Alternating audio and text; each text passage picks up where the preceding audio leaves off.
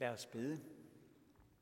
Herre Jesus, vi takker dig for dit initiativ, at du rækker hånden ud til os, og at du taler Guds ord iblandt os. Og vi beder om, at du må hjælpe os at agere på det. Amen. Dette hellige evangelium skriver evangelisten Matthæus.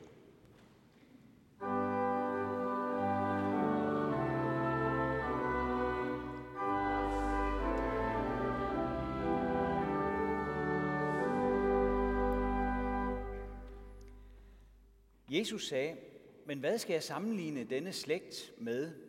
Den ligner børn, der sidder på torvet og råber til de andre. Vi spillede på fløjte for jer, og I dansede ikke. Vi sang klagesanger, og I sørgede ikke. For Johannes kom. Han hverken spiste eller drak, og folk siger, han er besat. Og menneskesønnen kom. Han både spiser og drikker, og folk siger, se, den froser og dranker ven med tollere og syndere. Dog, visdommen har fået ret ved sine gerninger. Der begyndte Jesus at revse de byer, hvor de fleste af hans mægtige gerninger var sket, fordi de ikke havde omvendt sig. Ved dig, Korazin, ved dig, Bethsaida, for hvis de mægtige gerninger, der er sket i jer, var sket i Tyrus og Sidon, havde de for længst omvendt sig i sæk og aske. Derfor siger jeg, at det skal gå Tyrus og Sidon tåleligere på dommens dag end jer. Og du, Kapernaum, skal du ophøjes til himlen. I dødsriget skal du styrtes ned. For hvis de mægtige gerninger, der er sket i dig, var sket i Sodoma, havde den stået den dag i dag. Derfor siger jeg, at det skal gå Sodomas land tåleligere på dommens dag end dig. Amen.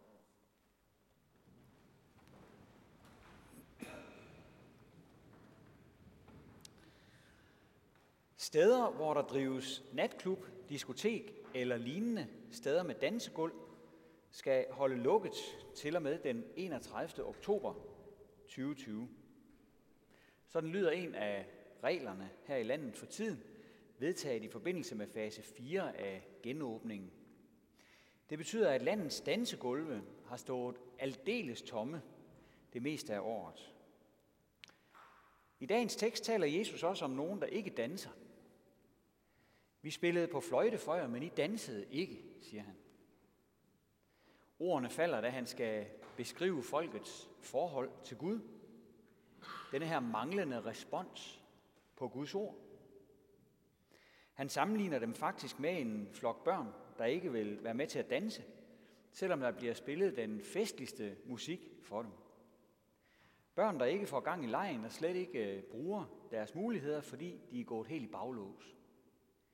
De kunne have fyldt dagen med glæde og leg og latter, men de kom aldrig i gang med nogen af delene, for der var hele tiden noget i vejen. Og pludselig var dagen gået, og ingenting var der kommet ud af det hele. Jesus siger det om mennesker, ja om hele byer, som aldrig havde benyttet sig af muligheden, mens han tilbød dem evigt liv. Han havde gået op og ned af dem, han havde forkyndt for dem. Han havde gjort store under for øjnene af dem. Men de havde ikke taget imod det. De havde ikke taget imod det, han havde til dem. De havde ikke benyttet sig af den enestående mulighed, da Gud havde henvendt sig til dem personligt. De havde været alt for kritiske, eller alt for ligeglade, eller måske begge dele. Når Guds søn talte om liv og død, begyndte de at diskutere smag og behag. For eksempel borede de sig ned i, at Jesus gik til fest hos de forkerte mennesker, og at han endda så ud til at nyde det. De fik øh, blæst det op til, at han var en froser og en dranker. Så kunne de hygge sig med forarvelsen og have en undskyldning for at holde ham på afstand. For Jesus talte om omvendelse. Ny Testamentes korteste resumé af hans budskab lyder sådan her. Omvend jer, for himmeriget er kommet nær. Altså, skift retning i jeres liv, for I skal møde Gud. Det var det, Jesus rejste rundt og forkyndte i Israels byer. Her var folk hurtige til at snakke udenom og begynde at diskutere, om han havde drukket et glas rødvin mere eller mindre ved den eller den fest. På den måde kunne man ligesom holde sig afgørelsen fra livet, glemme at Gud lige havde mindet dem om, at de skulle skifte retning i deres tilværelse. Det samme var sket, da de nogle år tidligere havde lyttet til Johannes Døberen. Johannes han var en alvorsmand. Han gik ikke til fester, mens han talte om omvendelse. I det hele taget havde der ikke været meget fest over hans liv eller forkyndelse. Det var tungere at lytte til ham. Men hans grundlæggende budskab var præcis de samme ord, som Jesus forkyndte. Omvend jer, for Guds rige er kommet nær. Heller ikke ham havde man lyttet til, for hvad var han da for en? Sådan en øh, kedelig fætter, der aldrig gik til fest, og som aldrig fik sig en lille kæb i øret. Hvad var det da for noget overfromt noget? Sladeren gik over hækkene, men budskabet om at omvende sig forholdt mennesker sig ikke til, uanset om det mødte dem i lyse toner eller i mørke toner. I teksten i dag konkluderer Jesus så, at nu er det blevet for sent for de her byer. Deres dag er forbi, så at sige. De havde ikke ubegrænset tid til rådighed. Gud var kommet til dem i øjenhøjde. Han havde sagt, at de skulle vende om og følge ham. Han havde krævet en reaktion af dem. Men de snakkede bare udenom og borede sig ned i detaljer og undskyldninger. Og derfor kunne han ikke hjælpe dem. Han havde haft det evige liv med til dem, men de ville ikke anerkende ham. De ville ikke følge den vej til Guds rige, som han viste dem. De ville ikke tro på ham som Guds søn, og de ville ikke benytte sig af den forsoning, som han tilbød dem kvitt og frit. De ville ikke have ham som herre og frelser. De ville hellere bare blive ved med at passe sig selv. De ville hellere gå deres egne veje. Veje, der endte i dødsriget, som Jesus sagde. Det er godt nok barsk og alvorligt, det her. Til gengæld kan vi jo ikke sige, at det er svært at forstå. Pointen er tydelig, også for os, der lytter til ordene i dag.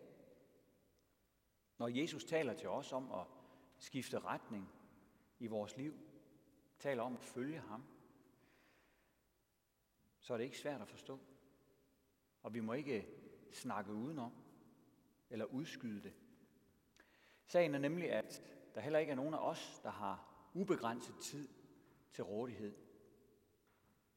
Det er så vigtigt, at livet ikke bare går for os. Og så handler det endda ikke kun om livets korthed. Jesus taler jo ikke om mennesker, der var afgået ved døden. De løb rundt inde i byen i deres sædvanlige gørmål, mens han sagde det her. De flød med strømmen, ligesom så mange andre. Sagen er nemlig, at vi ikke uden videre bare kan vælge at tro på Jesus når som helst. Og det er en anden vigtig ting, som vi bliver mindet om i dag.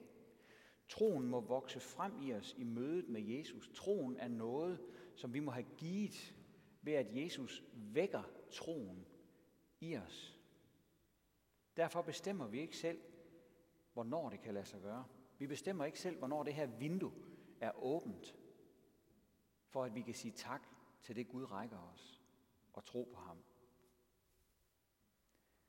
For hvert menneske har en eller flere besøgelsestider, siger Jesus. Det vil sige bestemte faser i vores liv, hvor Jesus på en særlig måde melder sig hos os og taler til vores hjerte.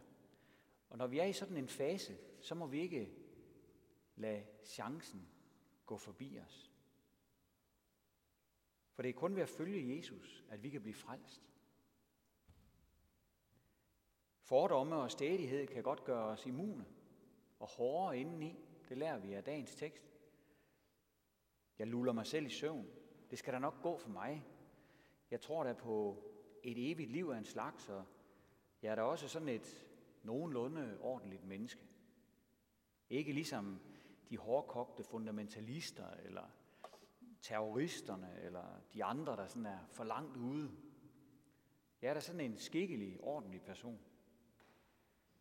Sådan tænkte man vel også i Kapernaum, byen, hvor Jesus selv havde boet. De var sikre på, at de nok skulle klare den. Hele byen skulle da nok nå frem til det evige liv, kære venner. Og så siger Jesus, nej, det skal du ikke. Du skal fare ned i dødsriget. Et chokord. Det modsatte af, hvad de har forventet. Jesus siger endda, at selv hvis, at hvis selv de groveste havde mødt ham og set det, som de havde set i Kapernaum, så ville de groveste for længst være stanset op og have omvendt sig. Men det gjorde de ikke i Kapernaum. Og derfor gik det galt for dem. Sodoma og Gomorra bliver nævnt. Der er altså noget, der er endnu værre end umoral. Og det er ikke at tage ham alvorligt. Det er at sige nej til ham, når man har set, hvem han er og hvad han har gjort. Det er den største grovhed, vi kan begå. Det her er nogle ord, som vi må tage med os hjem i dag hver især. Men vi må også høre dem i samlet flok, som menighed, som by, som danskere. Jesus sagde ordene i trekantområdet ved Genesarets sø med byerne Korazin, Bethsaida og Capernaum. I dag hører vi så de samme ord her i vores trekantområde. I vores dejlige by, i vores dejlige kirke. Her går det godt, her bor så mange flinke mennesker, det skal nok gå alt sammen. Men sådan tænkte man også i byerne i det andet trekantområde. Alligevel så Jesus bag om denne her ydre idyll, og så sagde han, ved dig, det skal gå Sodoma og Gomorra, selveste prototypen på råhed, bedre end dig. For du ville ikke danse med, mens musikken spillede. Du var så heldig at bo i et land, hvor evangeliet blev forkyndt. Du havde besøg af ham, der tilgav sønder, og som sagde, at han ville tilgive dine sønder. Ham, der var kommet for at opsøge og frelse det fortabte, som han selv sagde. Ham, der ville gå på korset i stedet for dig, for at rive dig ud af dødens garn. Men du hørte det hele, som om du ingenting hørte. Det var lidt ligesom musikken hen i Føtex. Måske gik du og nønnede lidt med på den, også da du kom ud i bilen. Men teksten havde du da ikke lagt mærke til. Og da dagen var gået, havde du kun undskyldninger og bortforklaringer i forhold til Gud. Frygteligt, frygteligt, frygteligt, at Jesus måtte dømme byerne sådan dengang. Og det må bare ikke være sådan, Jesus kommer og siger til os en gang. Hvad skal vi gøre? Ja, det som byerne i det israelske trekantområde havde forsømt, var åbenbart at omvende sig i sæk og aske. Hvad er det for noget? Jesus han hentyder til en gammel skik, som man brugte i Israel.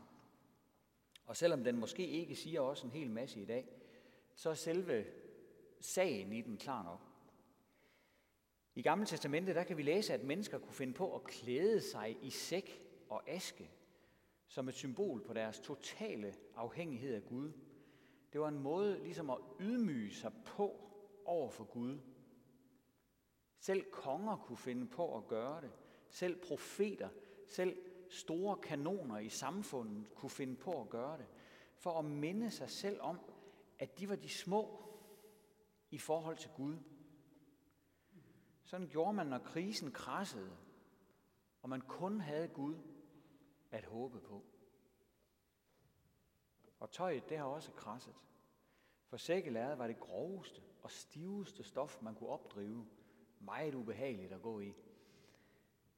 Men det var en del af ens bøn at gå i det. Og sammen med asken, man dryssede på sit hoved, var det en repetition af, at vi mennesker er støv i forhold til Gud.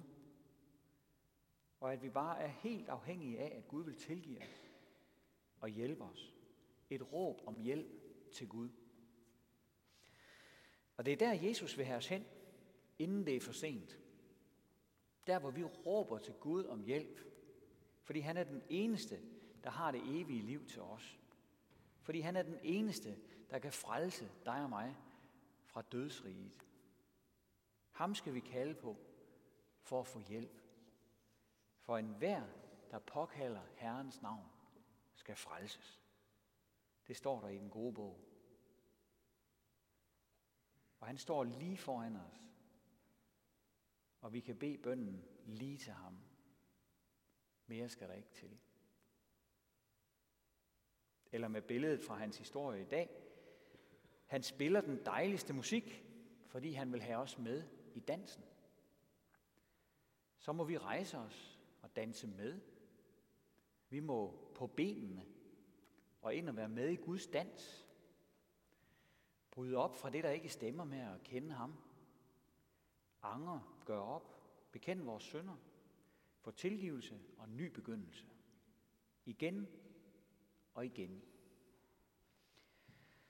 Vi må samle os og lytte til Guds ords dejlige musik, og så må vi danse med til tonerne.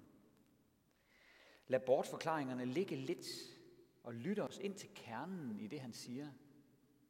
Han har skaffet os søndernes forladelse. Han er død for os. Han er opstået for os. Det er det, der er centrum. Han vil rense os og forny os med det. Det handler altså om et svar fra os i dag. Jesus ønsker en reaktion, både i hverdagen og i gudstjenesten. Og ligesom der er både mundre og alvorlige toner i den musik, som Gud spiller for os, så må der også være både munterhed og glæde i vores liv. Vi må tage melodien med i vores liv, og vi må synge med på den, når vi samles i kirken. Synge med på både alvor og glæde. Med alvor i syndsbekendelsen, med glæde i lovsangen, med glæde i nadveren, hvor han giver os sig selv. Og sammen med Jesus, der bliver der både rigtig fest og rigtig alvor i vores liv. Der bliver alvor i lejen, og der bliver leg i alvoren. Ære være faderen og sønnen og helligånden, som det var i begyndelsen, så også nu og altid og i al evighed. Amen. Og lad os rejse os og tilønske hinanden, hvor Herres Jesu Kristi nåde, Guds, vor Fars kærlighed og Helligåndens fællesskab være med os alle.